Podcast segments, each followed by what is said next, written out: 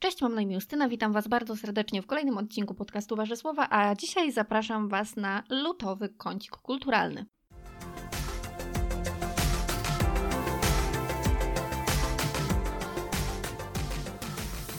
Dawno mnie tu nie było, a to dlatego, że styczeń trwa 3 miesiące, a luty tylko 10 dni. E, w każdym razie luty minął bardzo szybko. E, I mimo, że on nie jest tak straszliwie krótszy od innych miesięcy, to mimo wszystko jakoś tak nawał obowiązków mnie pokonał. W związku z tym nie tylko nie znalazłam e, czasu na to, żeby coś nagrać, ale też po prostu motywacji jakiejś ciekawej tematyki, dlatego postanowiłam, że poczekam do kącika kulturalnego i opowiem Wam o tym, co skonsumowałam przez tych kilka chciałam powiedzieć kilka miesięcy. Dlaczego? Przez ten miesiąc. A jest tego troszeczkę, więc może od razu przejdę do rzeczy. Zaczniemy od książek. I mm, choć tak naprawdę miesiąc zaczęłam z komediami kryminalny, kryminalnymi, to jednak zacznę od troszeczkę poważniejszej y, pozycji. Natomiast chciałam powiedzieć i zaznaczyć, że ja mam tak, że kiedy mm, miesiące są takie brzydkie, zimowe, kiedy leżał ten śnieg, kiedy były te mrozy, kiedy było szaro i nieprzyjemnie, nie miałam ochoty na jakieś takie poważne książki i tak naprawdę wtedy y, gdzieś tam było dużo jakichś kryminałów, y, komedii kryminalnych i tak dalej i to jakoś uminęło mi czas. Mm, natomiast kiedy tylko pojawiło się słońce, zrobiło się bardziej wiosennie, to już e, wzięłam się za taką literaturę, która daje mi już więcej emocji, która sprawia, że, y, że czuję tę prawdziwą przyjemność z czytania. Nie chcę tutaj oczywiście wartościować tych książek, bo, bo to jest tak naprawdę tylko kwestia gustu, ale dla mnie właśnie te książki, po które sięgałam już w tej drugiej części miesiąca, bardziej słonecznej, mm, to, to była taka prawdziwa radość czytania, co nie znaczy, że komedie kryminalne czy thrillery nie dają mi tej radości, natomiast y, tu też chodzi chyba o taką emocjonalną dawkę tej radości. Natomiast zacznę od reportażu, mm, ponieważ jest to reportaż o sprawie oburzającej, o sprawie smutnej, o sprawie absurdalnej. Jest to książka Nie oświadczam się Wiesława Łuki, e, która opowiada o sprawie Połanieckiej. Myślę, że wielu z Was już o niej słyszało, ponieważ tak naprawdę jest to sprawa, która wstrząsnęła e, naszym krajem i, i była opowiadana z każdej strony. Jest mnóstwo źródeł na ten temat i rzeczywiście można wiele, wiele o tym przeczytać. Mm, ten reportaż e, wyróżnia się tym, na tle tego, co ja już skonsumowałam, jeżeli chodzi o ten temat, że jest tutaj bardzo właśnie dużo zeznań oskarżonych, y, zeznań świadków, y, właśnie takich y, zapisów z sali, sali sądowej i dla mnie to było, to było ciekawe poznać tę perspektywę, natomiast była to też perspektywa, która sprawiała, że rozkładałam ręce, nie potrafiłam zrozumieć niektórych słów, nie potrafiłam zrozumieć niektórych osób, które broniły złoczyńców. Chodzi o sprawę połaniecką, tak jak już wspominałam. Jeżeli nie wiecie o co chodzi, to może tak pokrótce tylko opowiem. I Stanisław Łukaszek, Łukaszek wtedy jeszcze Krystyna Kalita i Stanisław Łukaszek brali ślub.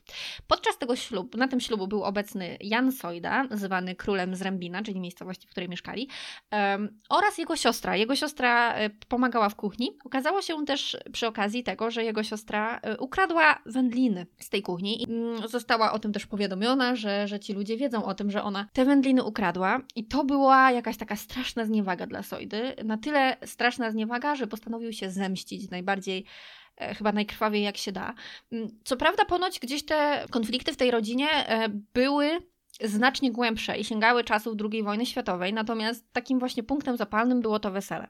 I w 1976 roku, noc wigilijną, Krystyna i Stanisław już Łukaszek oraz 12-letni brat Krystyny Miecio Kalita zostali podstępem wywabieni z pasterki e, z kościoła i ta pasterka miała miejsce w Połańcu, e, oni mieli dotrzeć do Zrębina, natomiast nie zostali wpuszczeni do autobusu, więc musieli wrócić do domu pieszo. Teoretycznie niby nie jest to jakaś duża odległość, natomiast po pierwsze, Krystyna była w piątym miesiącu ciąży, po drugie było ciemno i była zima. Czego nie wiedziała Krystyna i Stanisław to to, że Jan Sojda wydał na nich wyrok. I kiedy oni ruszyli piechotą do, do Zrębina, za nimi ruszyły dwa autobusy i taksówka.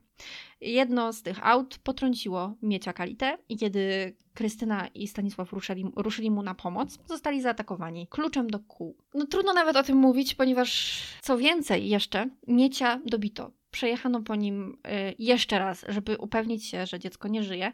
Następnie upozorowano, próbowano upozorować wypadek.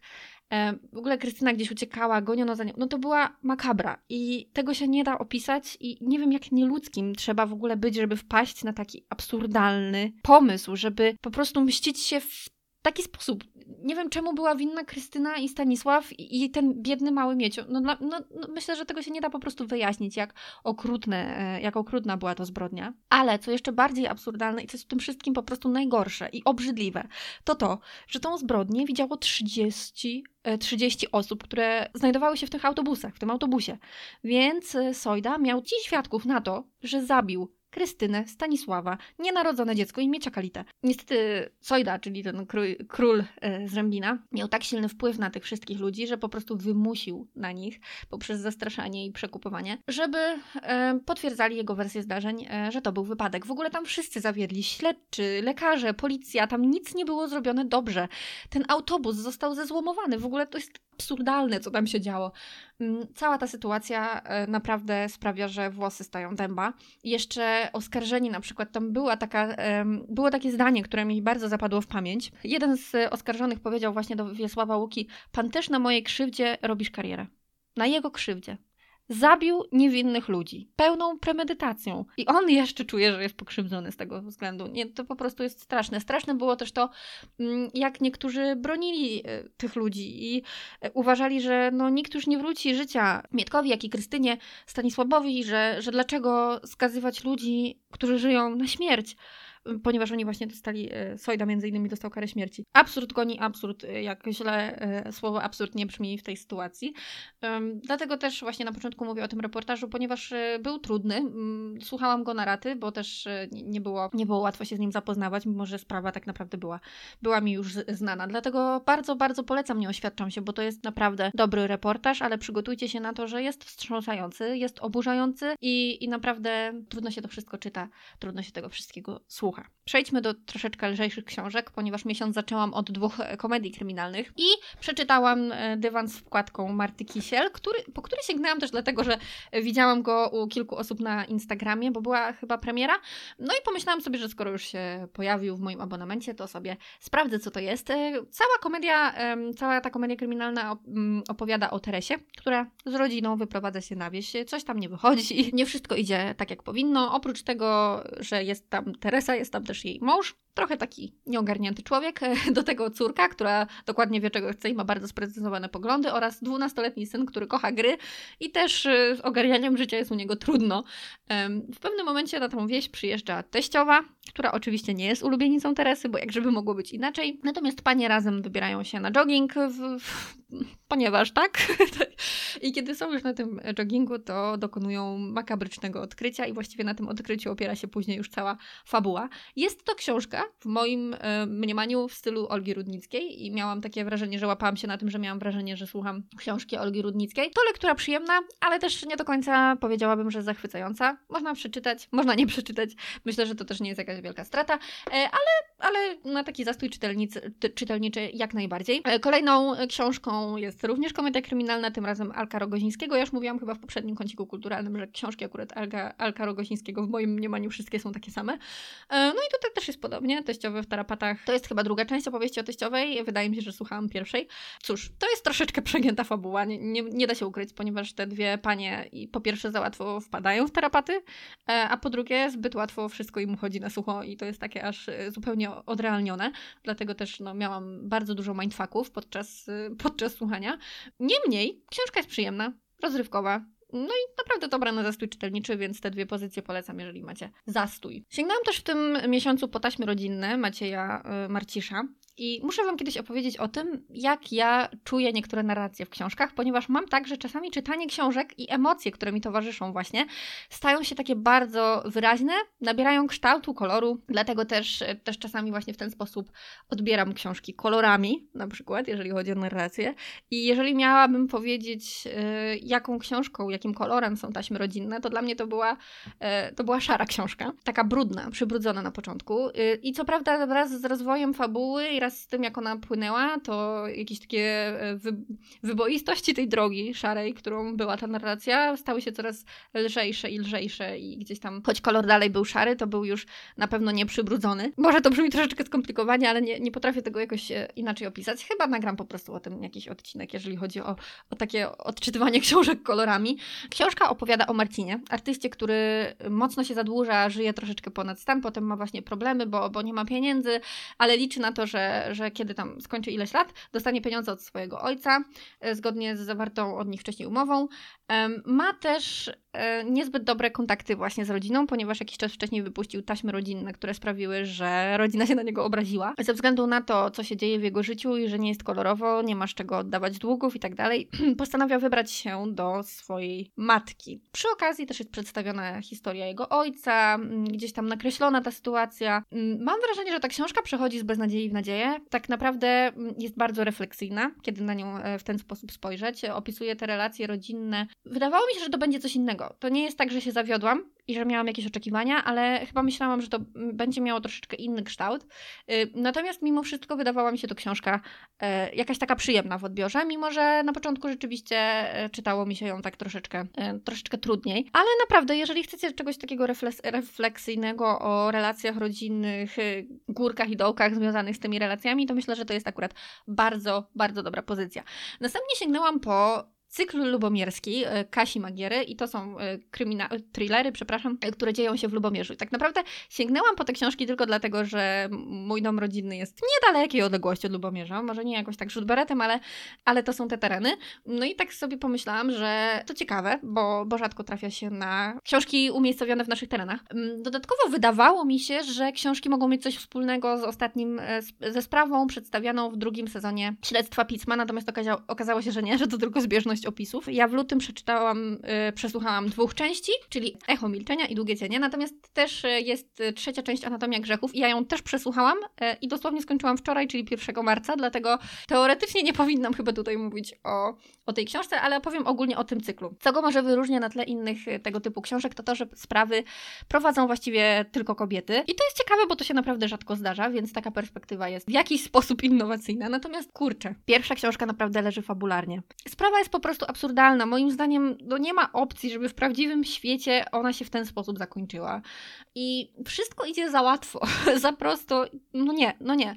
Bardzo mi się to nie podobało. Uważam, że to ma dziury i że nie była to dobra książka pod względem fabuły. Natomiast gdzieś tam te bohaterki, e, te policjantki, Agnieszka Birkut na przykład sprawiły, że postanowiłam jednak mimo wszystko, wkręciłam się w jakiś sposób w, tą, w tę historię. I też właśnie to, to, co mi się podoba, są jakieś główne bohaterki, ale one są mimo wszystko z boku. Ich problemy i tak dalej. Sprawa jest na pierwszym miejscu i ja sobie to bardzo cenię w thrillerach. Nie lubię czegoś takiego, że ja sięgam po thriller i mam tak naprawdę 90% książki, relacje e, głównego policjanta czy głównej policjantki i kogoś tam. E, to nie jest interesujące moim zdaniem. Jak ja sięgam po thriller, to sięgam po thriller, a nie po romanse, więc cieszę się, że mm, wątek tych osób był nakreślony i wiedzieliśmy, kim oni są i co nimi tam gdzieś kieruje. Natomiast nie było to jakimś takim wątkiem głównym, który by rzutował na, na całość fabuły i to było w porządku. Druga część już mnie naprawdę bardzo wkręciła. Uważam, że była bardziej przemyślana i już naprawdę ta zbrodnia miała bardziej te ręce i nogi. Zbrodnia, Boże, co ja gadam zbrodnia? Sprawa. A jako, że miała te ręce i nogi, troszeczkę tam gdzieś yy, wplecione były takie fajne, moim zdaniem oczywiście, bo, bo wiadomo, że to nie wszystkim będzie się podobało, motywy, to już jest naprawdę ciekawsza. Mimo, że język jest taki sobie, jeżeli chodzi o te książki, nie jestem jakoś szczególnie zachwycona i mimo, że naprawdę to nie zawsze jest dobrze poprowadzone, to myślę, że tak na, na głównie posłuchanie, bo nie wiem, czy sięgnęłabym akurat po papierową tą książkę, to całkiem, całkiem okej. Okay. Tak samo Anatomia Grzechów. Y, tutaj właśnie w Anatomii Grzechów, czyli ostatnim tym tomie, bardzo mnie zaskoczyło, zask zaskoczyło mnie zakończenie, a ja też tego oczekuję od tych książek, że zostanę zaskoczona, więc bardzo w porządku. No i w gruncie rzeczy ta ostatnia część jest chyba najciekawsza, chociaż wydaje mi się, że ta sprawa już gdzieś była. Trochę mi pachnie serialem Broadchurch, troszeczkę gdzieś wydaje mi się, że czytałam o czymś podobnym, dlatego gdzieś to się wydawało wtórne mimo wszystko, ale było naprawdę ciekawe, więc, więc uważam, że mm, jeżeli macie ochotę na taki polski thriller, to e, cykl lubomierskiej Kasi Magiery może być. Może być. Nie jest jakiś zachwycający, ale całkiem przyjemny. Ostatnio Wam tutaj się bardzo zachwycałam nad cudem miodem, cudem miodem, e, cudem miodem i maliną e, Anety Jadowskiej, więc postanowiłam sięgnąć po jakieś innej książki. Pierwszymi, na które się zdecydowałam, był Trup na plaży i Martwy sezon. To jest seria Garstka z ustki, albo Garstki z ustki. W każdym razie to są prawdopodobnie thrillery, tak przynajmniej e, wynikało z opisu, ale kiedy już czytałam, to sama nie wiem, co to było. Bo to była i trochę obyczajówka, i trochę, e, i trochę thriller, i trochę kryminał, także trudno mi powiedzieć, jaki to jest gatunek. Co jednak smutniejsze dla mnie, to fakt, że te książki nie były zbyt dobre, moim zdaniem, e, w mojej ocenie. Przede wszystkim to, co mnie najbardziej bolało, to te dialogi między ludźmi. Ludzie tak ze sobą nie rozmawiają. Na przykład, wiecie, jeżeli masz z kimś jakieś pseudonimy, to nie uważasz, nie używasz ich w każdym zdaniu. No umówmy się, jeżeli na kogoś mówisz, nie wiem, teraz sobie coś wymyślę. Żabo zielona, to nie, nie zaczynasz każdego zdania od żabo zielona, mówiłam ci, że coś tam, coś tam. No nie, tak to nie działa. nie wiem, no po prostu, mimo że sprawdzałam i to nie są jakieś debiutanckie książki Anety Jadowskiej, to uważam, że po prostu poziomem między cudem, e, miodem i maliną, a tym odbiegają znacznie. I naprawdę miałam takie wrażenie, że to jest jakiś powie, jakaś powieść debiutancka. Szczególnie, że tutaj też, jak już wspominałam o Alku Rogozińskim, że tamte teściowe wpadały w tarapaty i wychodziły z nich jakoś tak strasznie, strasznie łatwo. I tutaj na przykład przykład główna bohaterka, czyli Madzia Garstka, po prostu nikt się nie zastanawiał, dlaczego ona robi pewne rzeczy. Jak chciała zdobyć informacje, to je zdobywała i nie było żadnego problemu. Ma wujka policjanta, więc on jej mówi o właściwie wszystkim. Nie ma żadnej tajemnicy śledztwa, po prostu nic. No nie wiem, jakieś to jest wszystkie dla mnie, wszystko dla mnie nierealne. Też y, autorka starała się przekazać tutaj wiele ważnych kwestii, na przykład związanych z przemocą domową i chwała jej za to, ale próbowała je w wplatać w mm, dialogi, które robiły się przez to straszliwie nienaturalne. Mam wrażenie, że może to można było jakoś gdzieś inaczej w narrację wpleść. Biorę pod uwagę to, że pierwsza część mówiła nam, że jest to książka bardzo lekka, taka z humorem, yy, która właśnie ma taki yy, wydźwięk komediowy, chociaż też nie aż tak bardzo. Natomiast druga część już się zrobiła nieco dramatyczna, nieco smutniejsza, dlatego jeżeli ktoś sięgał po nią, bo chciał czegoś leciutkiego, to mógł się troszeczkę zawieść. Przeczytałam, bo rzeczywiście wciąga, bo ma lekki język, bo jakoś tak się gdzieś tam z tymi bohaterami y, zżyłam w jakiś sposób, ale no ale nie. Przede wszystkim te dialogi. Najbardziej przeszkadzały mi dialogi, które były bardzo, bardzo nie, nienaturalne. Więc ta przygoda z Anetą Jadowską nie była za dobra, ale będę jeszcze próbować, ponieważ uważam, że no musi być lepiej.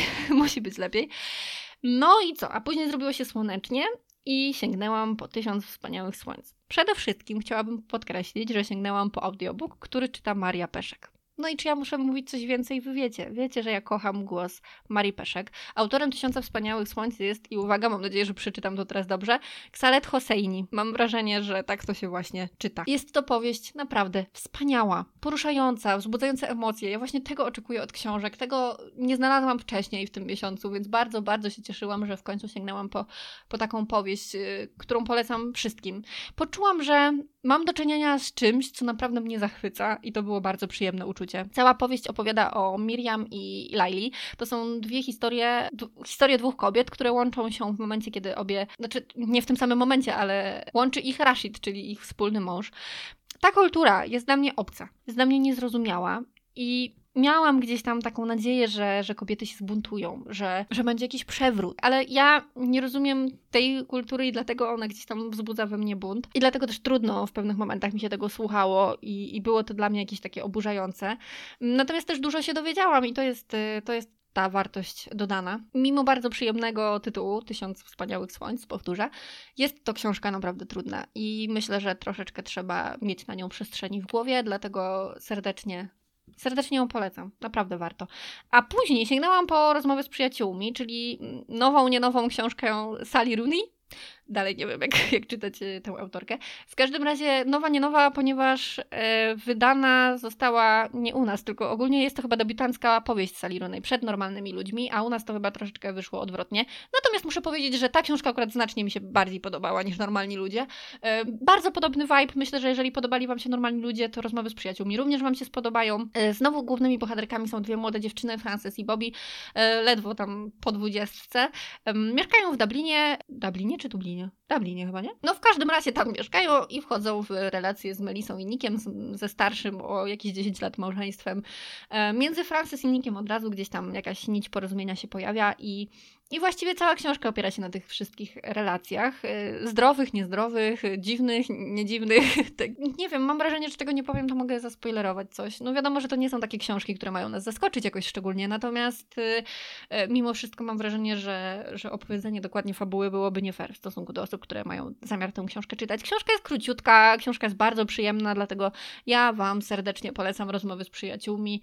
Nie będziecie zawiedzeni, zawiedzeni mam wrażenie, szczególnie jeżeli podobali Wam się właśnie no normalni ludzie. I chyba tą, tą książką właśnie skończyłam e, luty czytelniczy, bo, bo później już słuchałam właśnie Anatomii Grzechów, o której Wam mówiłam już wcześniej w, z cyklu e, Kasi Magiery. Powiem Wam, że to nie jest dobry pomysł nagrywać raz w miesiącu, szczególnie, że po przechorowaniu COVID-u powiem Wam, że mam naprawdę problem ze znajdowaniem słów. Mam problem z koncentracją i naprawdę czasami zapominam takich, jakichś takich podstawowych słów. Jest jeszcze gorzej niż zawsze, więc jest mi trudno, naprawdę jest mi trudno opowiadać o, o tych książkach i, i trochę się zmęczyłam. Ale przechodzimy do seriali. Boże, kochany, ile ja już nagadałam o tych książkach.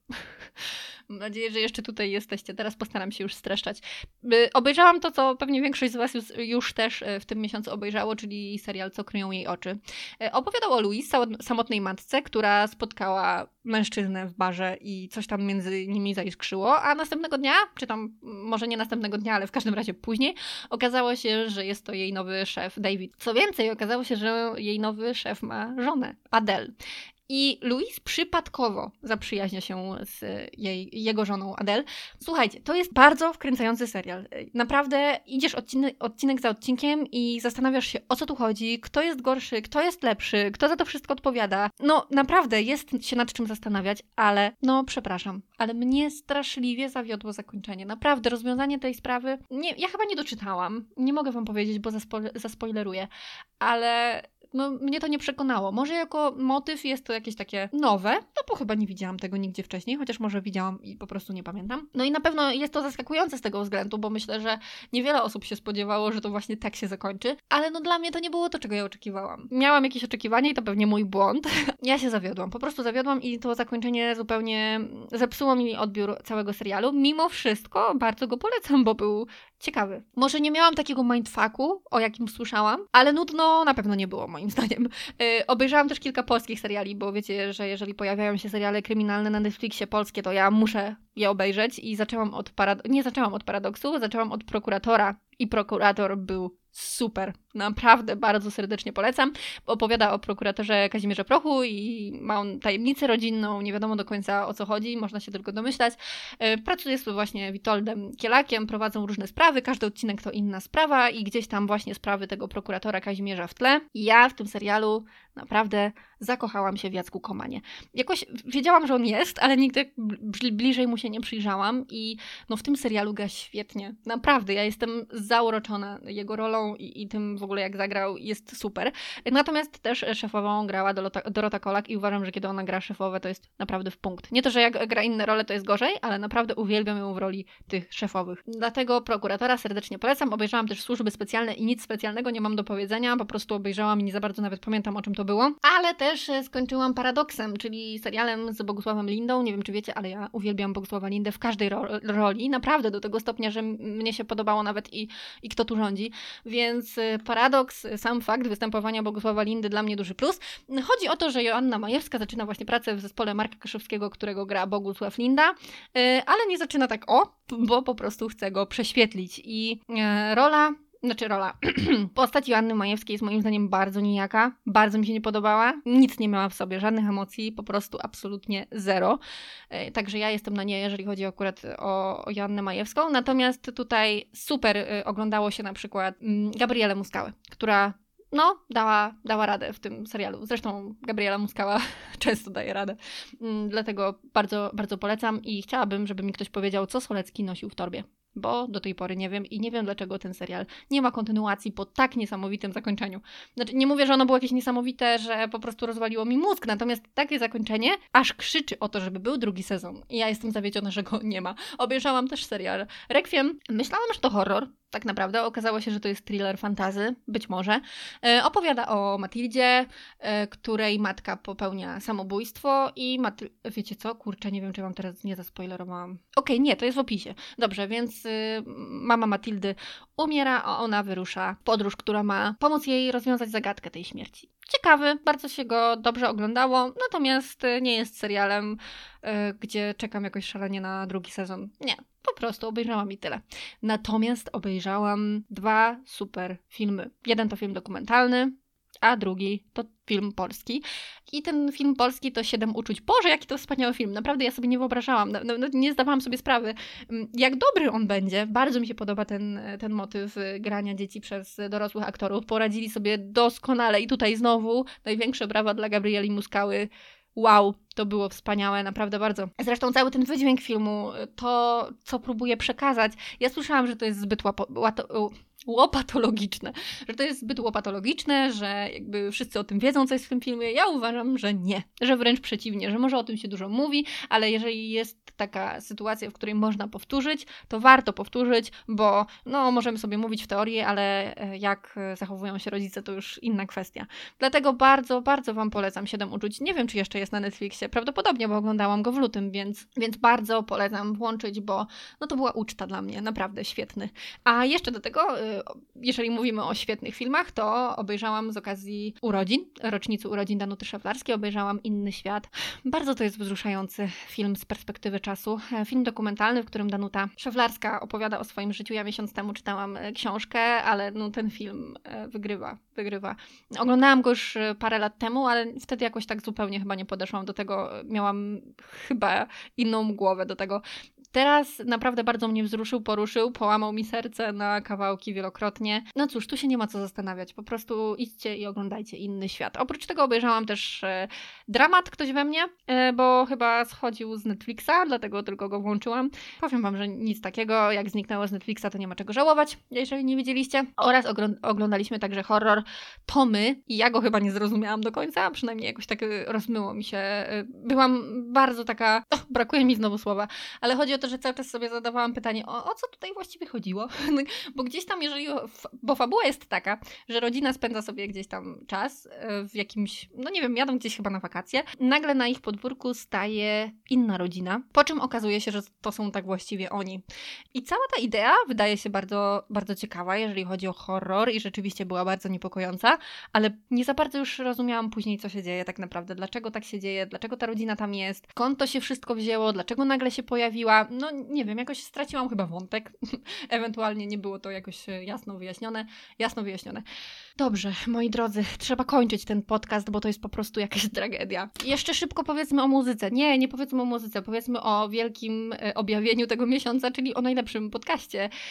Podsiadło Koterski Podcast. Ja powiem tylko tyle. Jeżeli jeszcze nie słuchaliście, to posłuchajcie, bo naprawdę warto. Mój segment polecania podcastów właśnie się skończył i muszę powiedzieć, że w tym miesiącu mieliśmy dwie fajne premiery, ponieważ Kwiat Jabłoni wydał nową płytę i co ja mam wam więcej powiedzieć? Płyta fantastyczna, naprawdę polecam. Każdy numer Kwiat Jabłoni jak zawsze trzyma poziom i są wspaniali. Natomiast, co dla mnie jest zaskakujące, nową płytę wydała Margaret i ja nie jestem, nigdy nie byłam z Margaret po drodze, ale ta płyta jest naprawdę super. Słucham jej, wkręciłam się się, bardzo mi się podoba, szczególnie introwersje. No, ja nie wiem, pierwszy raz w życiu, ale z czystym sercem polecam nową płytę Margaret. Ona co prawda jest y, bardzo osadzona w jednej tematyce, ale też rozumiem, że kiedy dzieją się takie zmiany w życiu, jak dzieją się w życiu Margaret, to chce się o tym mówić i chce się o tym śpiewać, więc y, jakby rozumiem, że cały czas krąży wokół jednego tematu. Zdaję sobie sprawę z tego, że to może być nużące, ale myślę, że to jest bardzo świeże, jeżeli chodzi o polski rynek muzy muzyczny. Ja to przynajmniej tak odczuwam. Dla mnie ta płyta jest po prostu bardzo świeża i dlatego dobrze mi się jej słucha. Oprócz tego katuje utwór Burza Daniela Grupy, czyli jednej, drugiej literackich z YouTube'a. No jest coś w tym takiego, że jak przy tym pracuję, to mam wrażenie, że rozbrają bombę. Dlatego jeżeli lubicie takie klimaty, to sobie sprawdźcie koniecznie Burzę. No i taką wkrętką dużą tego miesiąca jest yy, piosenka Wielkie Tytuły Ochmana. Polecona mi została przez moją przyjaciółkę, która powiedziała, że jej się to bardzo wkręciło i jak tylko posłuchałam, to mnie również. Tutaj nie ma o czym mówić. Tutaj po prostu bardzo serdecznie, serdecznie polecam przesłuchać. I to chyba tyle ode mnie. Bardzo długi jest ten podcast, ale coś czuję, że bardzo dużo wytnę. Zapraszam na moje wszystkie miejsca w sieci, gdzie znajdziecie mnie pod nazwą Warzy Słowa i do usłyszenia w kolejnym odcinku.